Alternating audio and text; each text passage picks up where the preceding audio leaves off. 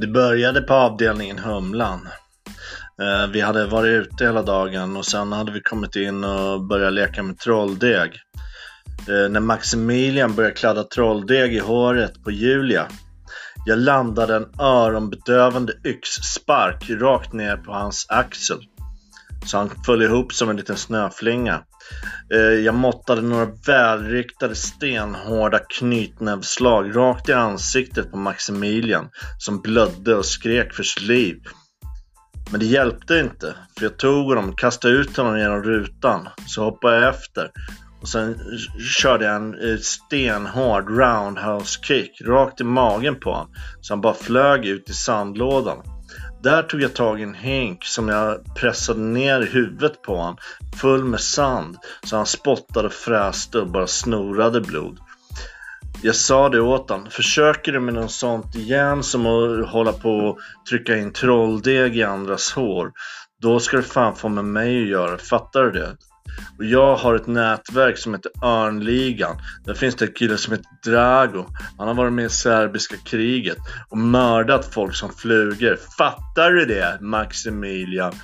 Och tryckte ner han djupt ner i sandlådan. Och sen kom det kom Maximilians föräldrar och började gidra.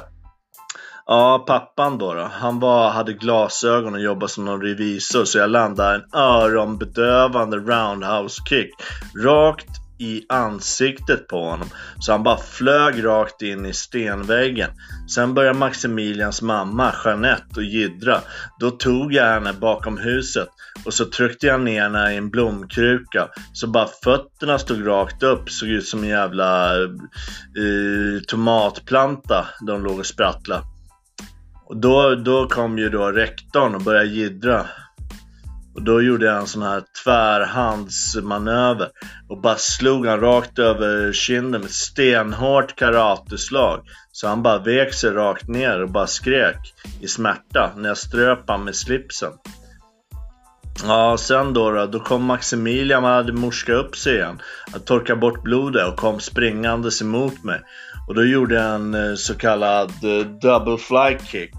Och så han flög rakt iväg vet du. Eh, sen la jag mig över honom och, och kvävde honom i ett triangelgrepp. Eh, så att han slutade andas då, då. Så grävde jag ner honom under lekstugan.